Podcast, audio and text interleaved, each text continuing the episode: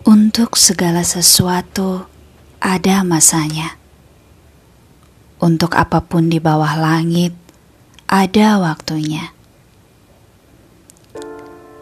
Seperti halnya tiap bunga yang mekar di waktu yang berbeda, pun pohon buah yang menghasilkan buahnya pada musimnya.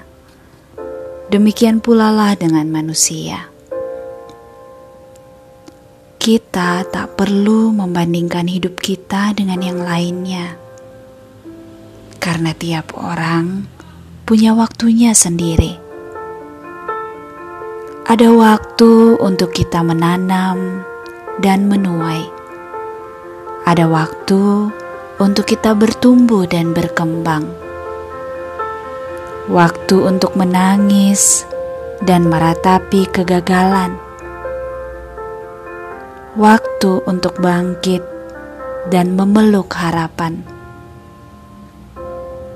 Pun ada waktu untuk kita bertemu, lalu berpisah. Semua punya waktu yang tepat.